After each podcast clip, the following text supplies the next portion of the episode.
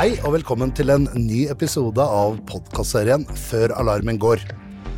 Vi er nå i episode to, der hvor vi faktisk har tatt med oss gjestene videre fra episode én. Jeg har da Jens og Vegard med meg i studio. Og hvis du ikke har hørt episode én, så anbefaler vi faktisk at du går tilbake og hører den først. For det er ja, forløperen til denne. Eh, velkommen tilbake, gutter.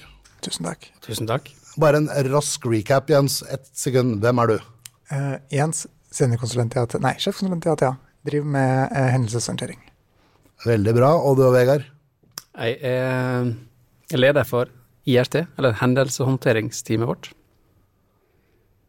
Ja. Enkel sunnmøring, som jeg sa forrige gang. Kort. Nei, du er ikke så kort. Det vært? Kort i svaret. Kort i svaret, det var veldig bra. Du, vi snakket om uh, hendelsesåret 2023. Og uh, ja, hadde vel en del uh, erfaringer, en del ting vi gikk gjennom rundt det. Og da er jo naturlig å spørre videre, hva er deres tanker om 2024? Da kan jeg ta den litt kjedelige med en gang, ikke sant? Gjør det. Um, jeg forventer jo i grunnen mer av det samme. Um, det er såpass uh, hva skal jeg si, mangel på tiltak der ute på de angrepene vi så i fjor, at det er ingen grunn til at ikke de skal fungere like godt i år. Ja, ikke sant. Jeg, altså, det, det, dette mulig å høres litt flåsete ut, men jeg har jobbet med dette her i 20 år. Og for 20 år siden, da var det liksom dette her med identitet og ikke minst e-post som liksom var, eh, var det skumle og kanskje det verste. Og jeg blir liksom litt overrasket, for det, Jens, har det blitt veldig andre angrepsvektorer? Eh. Veldig ja, ja, det har jo blitt andre, men det er klart at e-post er en av de største fremdeles. Det er det. E-post er en av dem som fremdeles er eh, Det handler jo selvfølgelig om at alle har e-post. Alle bruker e-post. Det gjør at det er en veldig enkel måte å vite at du treffer noen på. Mm. Um, men ja, det er fremdeles uh, den viktigste plassen uh, å, forsv å, forsvare seg i dag. Uh, og, vi, vi, ser jo at, at, en stor del av våre hendelser også kommer som bakgrunn av e-post. Og Angående e-post, så er jo det et, hva si, et skille. Mange forbinder e-post med både skadevare og angrepsvektoren, som du sier, til mange typer angrep. Det vi opplever i praksis i fjor, er jo stort sett identitetstyveri. Altså det er identen til brukeren som blir tatt, og det kan jo for så vidt føre til så mangt, det også, men, men, men det er stort sett svindel via e-post vi opplever i praksis. At de tar over kontroll på informasjon, for så vidt. Så det kan jo være at de utvikler seg og bruker den informasjonen som et pressmiddel i større grad. Men når det kommer til skadevare på e-post, så har vi i 2023 sett mindre av det. Det er ingen av de såkalt store, eller der du har kompromitterte infrastrukturer som skyldes skadevare kom på e-post og bruker lasta ned noe dritt. Det, det, det, har vært veldig lite av. Det de har snakket om, er kanskje disse her eh, QR-koder og sånt når vi er e-post? Ja, da, da, er du tilbake på identitetsbiten. Ja. Da, da, er det det som blir på en måte konsekvensen. Men, men uh, som du sier, da, fra du begynte i bransjen, så um, hvis, hvis, vi skal snakke tiltak, altså de faktiske kontrollene du skal på plass, og de tiltakene du skal gjøre, mm så er jo det fort de samme tinga som du eh, predikerte den gang, som er fortsatt tema i dag. Så selv om trusselbildet utvikler seg og blir mer komplisert og dynamisk og stadig endring osv., som vi sier, så, så, er jo tiltakene på langt vei det samme. Og jeg satte meg for artigheten ned og leste eh, risikovurdering jeg tror 2006 eller 2007, rett før jul, når vi var i London på eh, en, et konferanse der. Mm. Og vi snakka jo om segmentering, og det snakker vi fortsatt om i dag. Vi snakka om kontroll på identiteter og devicer, det snakker vi om i dag. Så det, vi har jo ikke endra oss radikalt på hva vi faktisk skal ta tak i.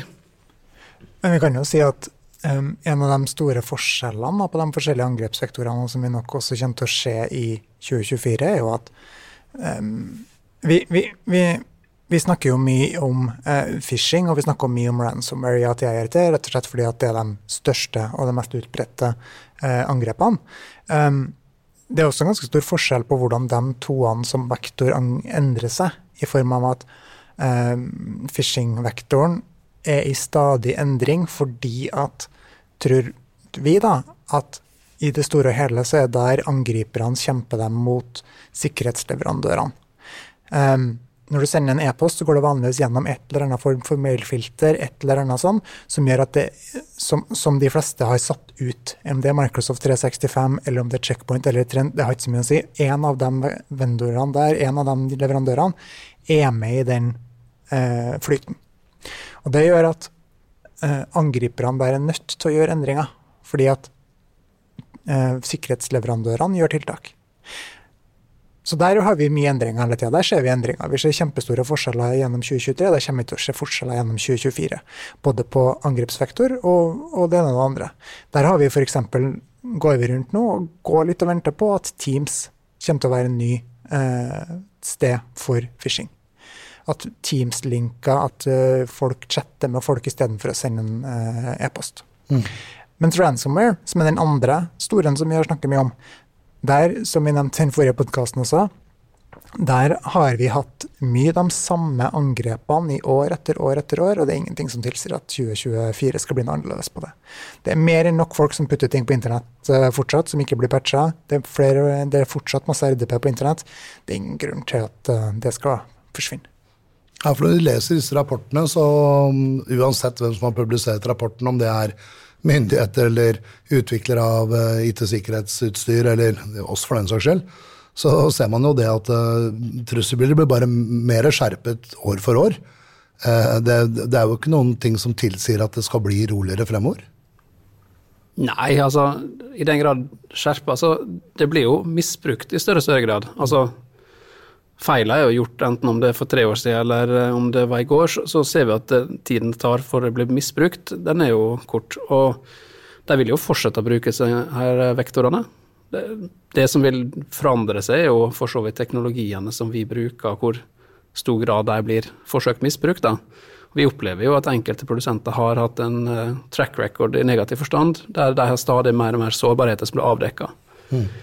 Og klart, Sånn vil det alltid være.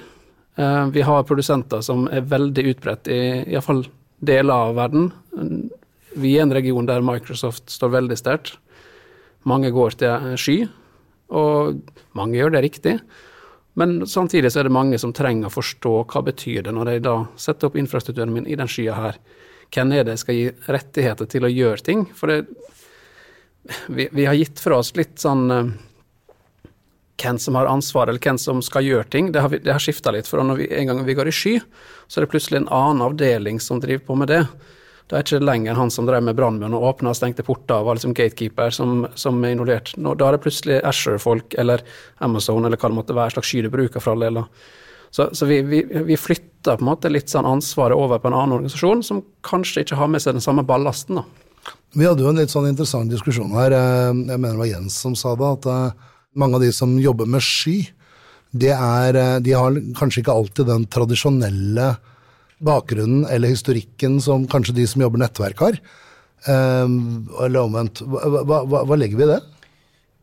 Vi, vi, vi, har jo kommet dit at det er veldig mange som jobber i dag med IT, som ikke nesten har jobba i en verden hvor vi var hovedsakelig omprem Altså hvor vi hadde den tradisjonelle IT-en. Mm. Og det gjør jo at de heller ikke har trengt å være med på alt det styret som tidligere var i forbindelse med det f.eks. å publisere ut en tjeneste.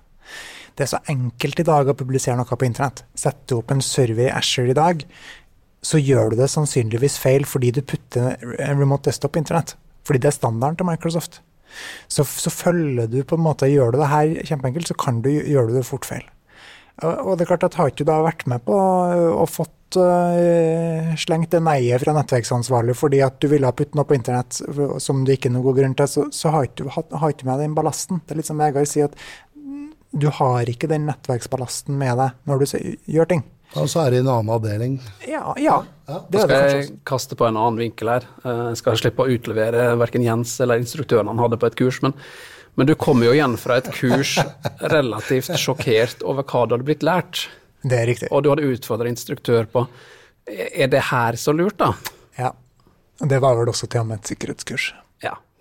Så vi, vi, Hva skal jeg si? Den kompetansen vi sitter på, og for så vidt veldig mange andre sitter på, den, den, har en vei å gå før den når nedover og ut eh, til de som driver opplæring. Um, og det Ja, hva skal jeg si? Det er en av de tingene jeg håper, da, hvis jeg skal ønske meg noe for 2024. Det er jo at eh, folk som oss og andre som driver denne bransjen her, blir flinkere å kommunisere. Og i tillegg får hjelp til å få det ut informasjon til riktige instanser eller ja, ledere, styrerom. Men tror, tror du det handler om nysgjerrighet? For jeg, jeg blir liksom Innimellom så er det dette burde du ha visst. Ok. Eh, ja, nei, men det ligger tilgjengelig informasjon. Ok. Men uh, hvordan vet jeg hva jeg skal vite hvis jeg aldri har tenkt på at jeg burde vite det? Nei, ikke sant? Ja, skjønner du hva jeg mener? Det blir, det blir en litt sånn ond sirkel, akkurat det der. Du må, men, men det er jo der du bør kvalitetssikre, kanskje da spørre noen andre. Og det er jo, det er jo tilbake til litt av Nå skal ikke henge ut Norge som nasjon, men vi har jo ikke overflod av ressurser. Og da tenker jeg ikke på å fylle disse her 4000 plassene som mangler i 2030. Da, da snakker vi om hverdagen. Altså antall IT-ansatte i en virksomhet i dag, enten det er på leverandørsida eller det er på den som skal drifte det, eller hva det måtte være, har jo ikke overflod av tid, og iallfall ikke tid til å ettergå den Én ting er på en måte den 'nå brenner det'-lista mi, det her må jeg få gjort, og så er det den 'skulle ha gjort'-lista. Og, og den vokser jo og sammen med dårlig samvittighet, sannsynligvis. Så det, det er jo veldig ofte det Det handler ikke nødvendigvis om mangel på kompetanse heller, men en rekker rett og slett ikke rundt i hverdagen. da. Og Det er derfor jeg sier at jeg vil gjerne appellere opp til ledere og den type som kan ta eierskap til risiko i større grad, sånn at de, de bevilger riktig eh, ja, tid og midler. Men hvordan vet du om ting blir satt opp riktig eller ikke riktig? Eller hvordan, hva, er rådene på det? Det er jo såpass enkelt som at hvis du putter noe altså, Putter du noe på internett, så må det patches, da. Altså, det er jo helt basic ting, egentlig. Kan du logge på noe fra internett fra PC-en din hjemme, så kan også en angriper gjøre det. Um, står det på internett, så skal det ha tofaktor. Altså, det er en del sånne her helt basic eh, hygieneting så, som som dessverre ofte går i glemmeboka. da, Eller man tenker ikke på det. Man setter opp noe for test, og så havner det i prod. Eller motsatt side. Man har satt opp noe for lenge siden, og så skal det avvikles snart. Det er bare at det har ikke helt det, Du patcher ikke lenger, for det skal jo avvikles, men det har ikke helt kommet dit. Det blir som å få ny bil, du polerer ikke den gamle lenger. Ikke sant? Det blir sånn. Og, det, og, og vi, vi er der fortsatt med veldig mange IT-systemer også, til små og store kunder, at, at, at ja, det blir litt sånn. Og så er nå det skulle å si en um, det, det er nå bare en, den, den hverdagen er vi i, da, og den, den har, kommer ikke vi unna. Og det gjør også at jeg tror da 2024 vil være det samme som 2023. Fordi at det her, vi, vi ser ikke noe ende på det her med det første. Og når vi ikke ser noe ende på det, så trenger heller ikke angriperne å gjøre noen endringer. ikke sant? De fortsetter med de playbookene de har. Ja, du fortsetter med det du gjør inntil det ikke virker lenger. Ikke sant? Og det er jo også der kanskje den store forskjellen da, på det vi har snakka om med f.eks. ransomware, med, og, og det som er den, øh, som er den trusselaktøren mot, opp imot øh, f.eks. AITM, da, hvor du har et helt annet utvikling altså, øh, på angrepene fordi at du må. Kappløp. Det er et kappløp. Det er et helt annet kappløp. For de som ikke fikk med seg Du snakket om AITM i, i forrige Ja, unnskyld, episode. nå bruker jeg vanskelige ord her. uh, item, det er rett og slett phishing. La oss se på det som phishing. Identitetstyveri. Ja. Um, man ønsker bare å stjele identiteten din. Det kommer en mail, det kommer en link, du klikker på Mm. Um, så, så da igjen, det, så lenge en angriper ikke trenger å tilpasse, så gjør han det ikke. Eh, så vi vil nok fortsatt der også se at enkelte angrep utvikler seg, men ikke alle. Eh, og så er det kanskje litt sånn kjipt for dem som, er, dem som har lyst til å høre at å, verden blir så mye annerledes i 2024, og eh, nå, blir det her, nå kommer AI-en og tar oss, bla, bla. Men i det store og hele så er det ikke så enkelt som det. Det sitter en gjeng med opportunister som har lyst til å prøve å komme seg inn på systemet ditt, og så lenge du ikke har noe spesielt som beskytter deg, så trenger ikke de noe spesielt for å angripe deg heller. Hva tror vi om Zero Trust, da, gutter? Oi. Stort spørsmål. Ja. Zero Trust det, det, det er kjempenyttig. Det er en viktig ting å ha med seg. Det er en viktig, viktig målbilde å skyte imot de tingene som er i Zero Trust. Um, Men det går på identitet, ikke angrep. Zero Trust er jo veldig masse, og det er litt det som er utfordringa med Zero Trust, at det er jo et, det er et rammeverk som bygges på veldig masse forskjellige ting. Så, og alle samarbeidspartnere snakker om det på forskjellige ja, måter. Ja. Det er veldig lite definert på hvordan du Altså, du må ha det med deg i, bak, i bakhodet på alt du gjør. Gjerne gjør det hvis det er en fin rettesnor for deg når du gjør et oppsett. Mm. Og ha med seg Zero Trust i bakhodet, så er det tipp topp. Eh, det, jeg tror aldri noen kommer til å komme i en verden hvor de setter et stempel på å si at nå er det systemet mitt zero trust, og så er vi ferdig. Men det er en veldig fin rettesnor. Mm. Men hvis vi, hvis vi, bryter den litt ned, da. Eh, av de tiltakene vi snakker veldig mye om i forbindelse med AITM, da, som Jens nevner på her, så er jo det å tune tilgangsstyringa, det å bruke devicer du kan uh, verifisere, bruke identiteter du kan verifisere, mm. det er jo en god start. Så vi, vi, bruker veldig mye energi på å oppfordre kunder til å tune på løsninger de har. Ikke nødvendigvis gå til anskaffelse av noe større og mer skinnende, men, men å tvike og tørre å utfordre mer internt. Og Zero Trust utfordrer jo organisasjoner, uten tvil. Hva tenker du om alle disse her, uh, mulighetene til å gjøre audits og den type av systemet ditt? Altså, det som er litt, sånn, litt flåsete sagt fra min side, men når uh, uh, Riksrevisjonen går ut reviderer et eller annet og slår det nedenom og hjem. De fleste som jobber i IT-bransjen, hadde kanskje gjettet det samme, i hvert fall vi som jobber med sikkerhet, når det er store, tunge, gamle systemer, og at de finner åpninger. Er vi enige, eller? Vi er enige. Eh, og hvis du generelt det å ettergå system er veldig pro, så har jeg jo av og til appellert til at jeg skulle ønske at folk ble proaktive og adresserte sin egen risiko uten at de trengte å stå med slegge bak og true. Uh, dessverre så har jeg jo innsett at vi, vi, trenger nok den type ettergåelse for at det skal skje ting. Det trenger moment, det trenger noen som er Det var en kunde som sa til meg forrige uke at vi trenger han dressen, han som kommer og sier hvor det faktisk står til, for det, det er da styret mitt eller ledelsen min uh, tar og hører på meg. Mm. Så tror jeg jo at det er kanskje et av de viktigste tingene du kan gjøre som uh, kunde overfor en sikkerhetspartner, da, som Mathea, som andre sikkerhetsleverandører, er jo å be om hjelp til å finne de problemene. For det er klart at hvis du er kunde og jobber med IT, og, inn, og så har, har du IT som noe som ikke er din daglige virke, det er noe bare som skal funke. Mm. Så det er klart at du klarer ikke å følge med på, på utviklinga. Du klarer ikke å følge med på hvilke nye ting som er kommet i Microsoft 365. Det klarer vi knapt, vi som jobber med det daglig. Ja, ja. Um, og da ha noen som kan komme til deg og spare med deg og diskutere med deg hva bør egentlig jeg gjøre for at IT-en min skal være trygg, mm. det tror jeg er kjempenyttig.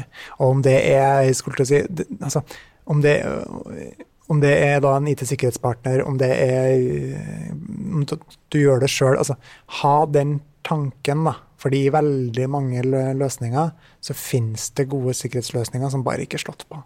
Og det er så dumt, for du betaler for det. Ja. Um, det er jo det vi egentlig gjør, som jeg nevnte forrige eh, møte også, eller den forrige podkast også. Det er jo det vi stort sett bruker veldig mye av tida vår i ATR til. Det er å jobbe preventivt. Vi har møter med kunder, vi har, uh, går gjennom IT-løsningene deres, vi går gjennom security-posturen deres mm. for å hjelpe dem å sørge for at dette ikke skjer i utgangspunktet. Og så kan du ja, bare kommentere denne, for det, det, er jo egentlig ikke der problemet vårt står. For, og skal jeg forklare det. Hvis vi tar tilbake til fjoråret, da, så de store hendelsene så berørte det stort sett eh, virksomheter vi ikke hadde dialog med. Altså Fra vårt perspektiv, når vi ble engasjert, så var de store hendelsene på adhoc, som vi kaller det. Altså mm. De som kom eh, De som ikke har en avtale med, som bare ja, ringer ja. hvis det skjer noe. Ja. Og så diskuterte jeg Jens det litt før i dag, for det, tilbake til det jeg sier, da. Vi må nå ut. Og disse løpende møtene og dialogen vi har med, virksomheter, den fungerer bra. Den proaktive funker. Jeg skal ikke si at vi har svaret på alt eller løsninger på alt, vi heller, men, men, men der er det bevissthet. Mm. Der er det interesse. Mm. Problemet på mange måter er jo tilbake til det med de som ikke har tid og ressurser og kapasitet til å drive med det her som et fagfelt. Mm. Som ikke visste hvem de skulle spurt, eller at de skulle spurt, som du var inne på i stad. Så du får uansett et relativt stort del av det norske markedet som ikke klarer å gjøre noe med disse tingene, selv om vi er opptatt av det. Så, så den herre Han vet ikke helt hvor man skal begynne, han heller? Nei. La oss si hvis jeg var en virksomhetsleder nå, eller en IT-avdeling, som, eh, som, sitter her og tenker jeg, oi, hvor skal jeg begynne hen? Det går an å utføre modenhetsanalyser eller noe sånt nå, og få en oversikt på hvor skal jeg begynne hen? Ja, hvis du skal se det store bildet, Ja. så, så kan du gjøre det. Et sted å begynne, liksom. Ja. Og så er jo han motvekten til den biten her. Vi har krangla om det her før.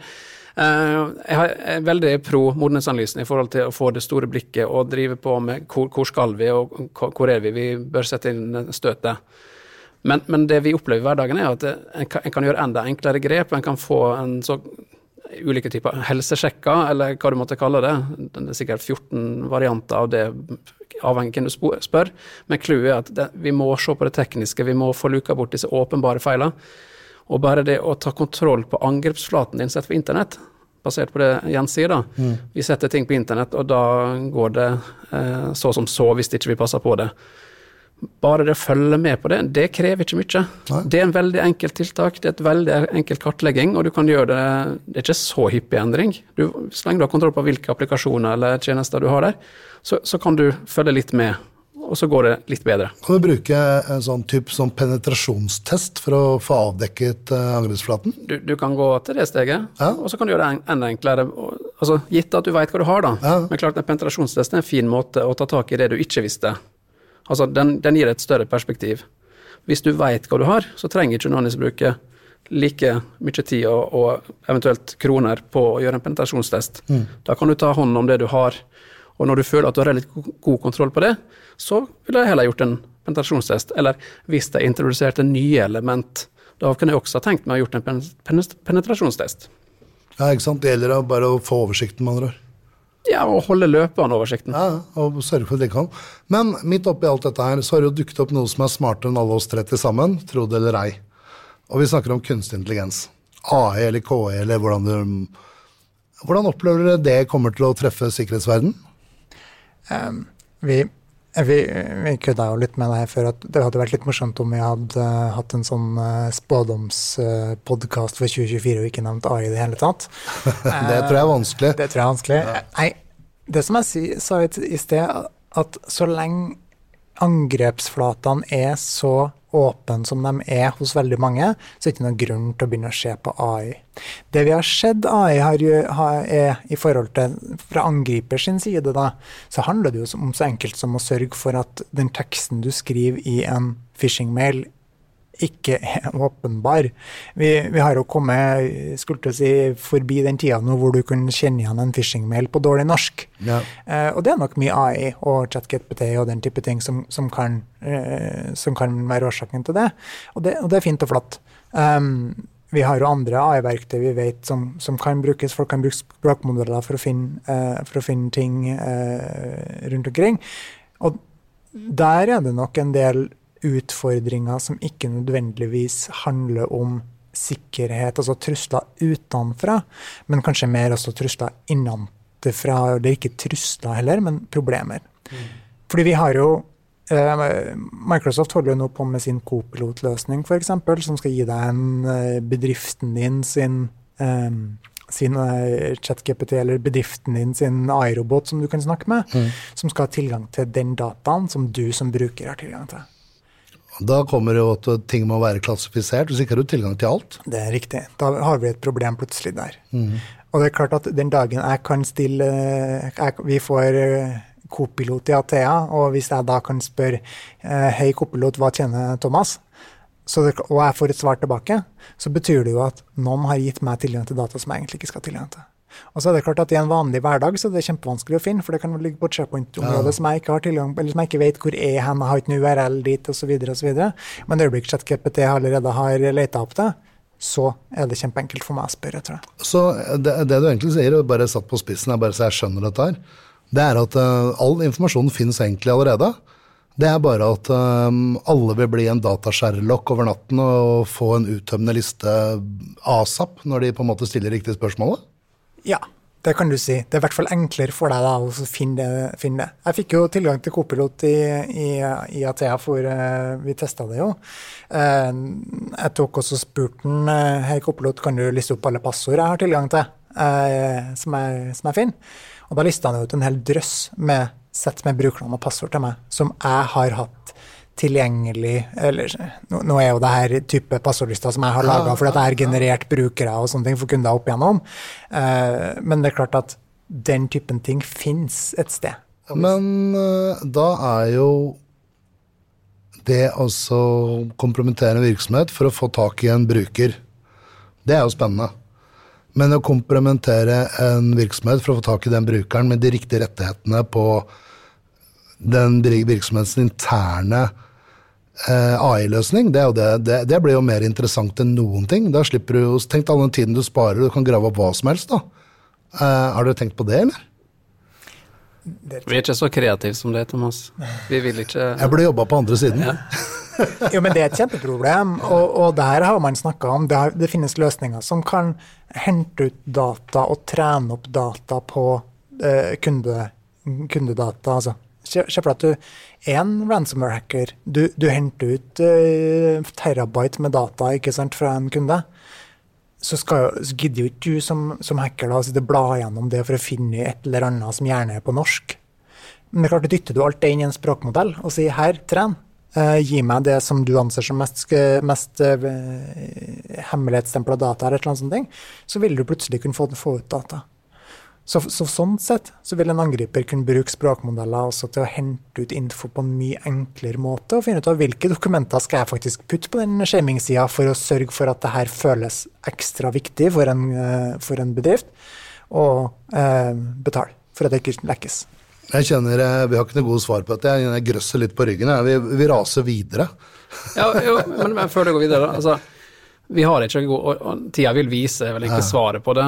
Um, det jeg er redd for med AI, det er at, uh, som du så vidt nevnte på, altså, det er veldig mange som tror de er blitt Sherlock over natta. Mm. Um, og jeg, jeg, jeg, frykter litt at vi mangler i en del tilfeller, uten at jeg skal brodere hvilken jeg frykter mest og minst. Men, men så kommer vi nok til å få en del som tror de har blitt verdensmester over natta fordi at de genererer kjappe svar og ikke evner å avstemme. Så, så jeg Etikk og folkeskikk, det ble viktigere enn noen gang. Ja, men ikke minst kompetanse nok til å vurdere om medfører det her riktighet. Ja. For det, for det, blir eh, noen ettertrakta kompetanse, det også, skal du se. Men, men jeg håper jo, tror, altså Skulle jeg ønske meg noe, så er jo ikke noe bedre enn at vi får AI som gir oss bedre evne til Forsvaret. Mm. Men jeg er fortsatt såpass nøktern eh, og sunnmøring at jeg, jeg, venter litt og ser og ber om å bli motbevist. da. For det, vi har nok hatt AI i ulike former en del år, og vi har hatt kunstig intelligens og maskinlearning i masse marketing-slides mm. hittil. Men vi har ikke forhindra Altså, sett fra et forsvarer sitt perspektiv, da, så satt vi og diskuterte det før i dag at vi gjør jo fortsatt relativt enkle eh, oppgaver i etterforskninga vår som sikkerhetsprodukt ikke gjør for oss. Mm. Eh, og klart, Hvis vi kunne kommet dit for at de tar tak i de repetitive oppgavene og presenterer oss data mer effektivt, sånn at vi kan gjøre jobben vår, og det er jo det som er ambisjonen, sånn som jeg har forstått det fra Security Copilot f.eks. Mm. Så jeg, jeg krysser jo fingrene og tær og alt for at det blir sånn, men, men så er jo det igjen, da. Det, det, er en prislapp på det, og det er noen som må ha interesse for det, og det, det blir ikke for alle fra starten av så løser vi egentlig rotproblemet, eller blir det kun de som er gode, bedre? Ja, jeg kjenner jeg har ikke noe svar på dette. Jeg, jeg, nå prøver jeg å gå videre igjen, jeg, for jeg kjenner jeg fryser enda mer på ryggen. det, eh, overvåking, det har vi også liksom toucha litt på gjennom tidene. og vi har jo stått på barrikadene med kumlokk og basuner og skreket i en årrekke at eh, man trenger overvåking, dette er viktig. Opplever vi at markedet modnes? Ja. Um, og så er det ulike grunner til det, egentlig. Mm. Ja. ja. Um, vi, har, vi, får krav på oss. Vi har uh, for så vidt hatt GDPR en periode og med, medfører at vi skal ha kontroll på ting, og vi har hatt uh, genuin interesse for å bli bedre til å detektere ting. Og så får vi jo et NIS 2 uh, i slutten mot året, oktober er det vel, som også stiller en del krav til en god del virksomhet i Norge. Men, men jeg opplever helt sånn uavhengig av deg, så opplever jeg at det er interesse for å få på kontroll. Det er interesse for å oppdage ting i tidlig fase, en ser verdien av det. Mm. Jeg ser det på salgstallet at vi selger jo mer enn noen gang av, av overvåkningsløsninger. Så det med et innsendt respons som rykker ut og, og når det skjer noe, så det er jo det er jo går helt klart i riktig retning. Ja, og, og, det må jo det, for det, jeg har ikke et tall presist på det, men, men, fryktelig ofte så kommer vi jo inn i en incident der det har gått for langt Og så ser du tilbake på det, og så kunne vi unngått det her. Ja, det var, en, det var et sikkerhetsprodukt der. Enten det var gratis eller kosta, så har det også gitt en lyd, men ingen som har fulgt med på det produktet. Eller det ble ikke noe alarm som noen uh, fikk formidla videre til noen andre. Så for vår del så opplever vi jo Det er veldig to sider her. da, for Det ene er jo overvåking for å detektere, det andre er som vi ofte savner når vi kommer inn, det er jo for å ettergå. Mm og kunne fortelle den historien. Klart, Kommer vi til dekka bord og har den dataen klar, så er vi mer effektive. Og ikke minst mer effektive opp mot uh, GDPR. Hva tenker vi rundt GDPR, gutter? Jens? GDPR har ført med seg veldig mye, mye spennende. Vi er veldig spent på hva det egentlig drar med seg på sikt også. Det har vært en del bøter og litt sånne ting.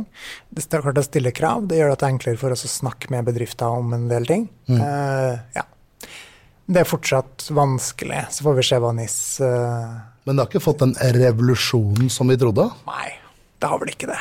Nei. Det har vel ikke det.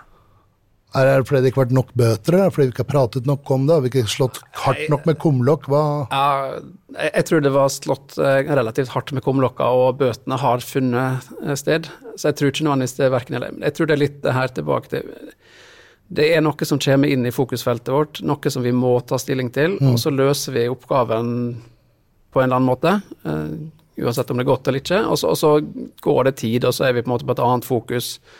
Og det er jo der jeg håper at vi nå entrer et år der vi får tilbake litt det fokuset vi hadde i 2018 og 2019 rundt GDPR, for da skulle fryktelig mange med dårlig tid løse problem. Mm.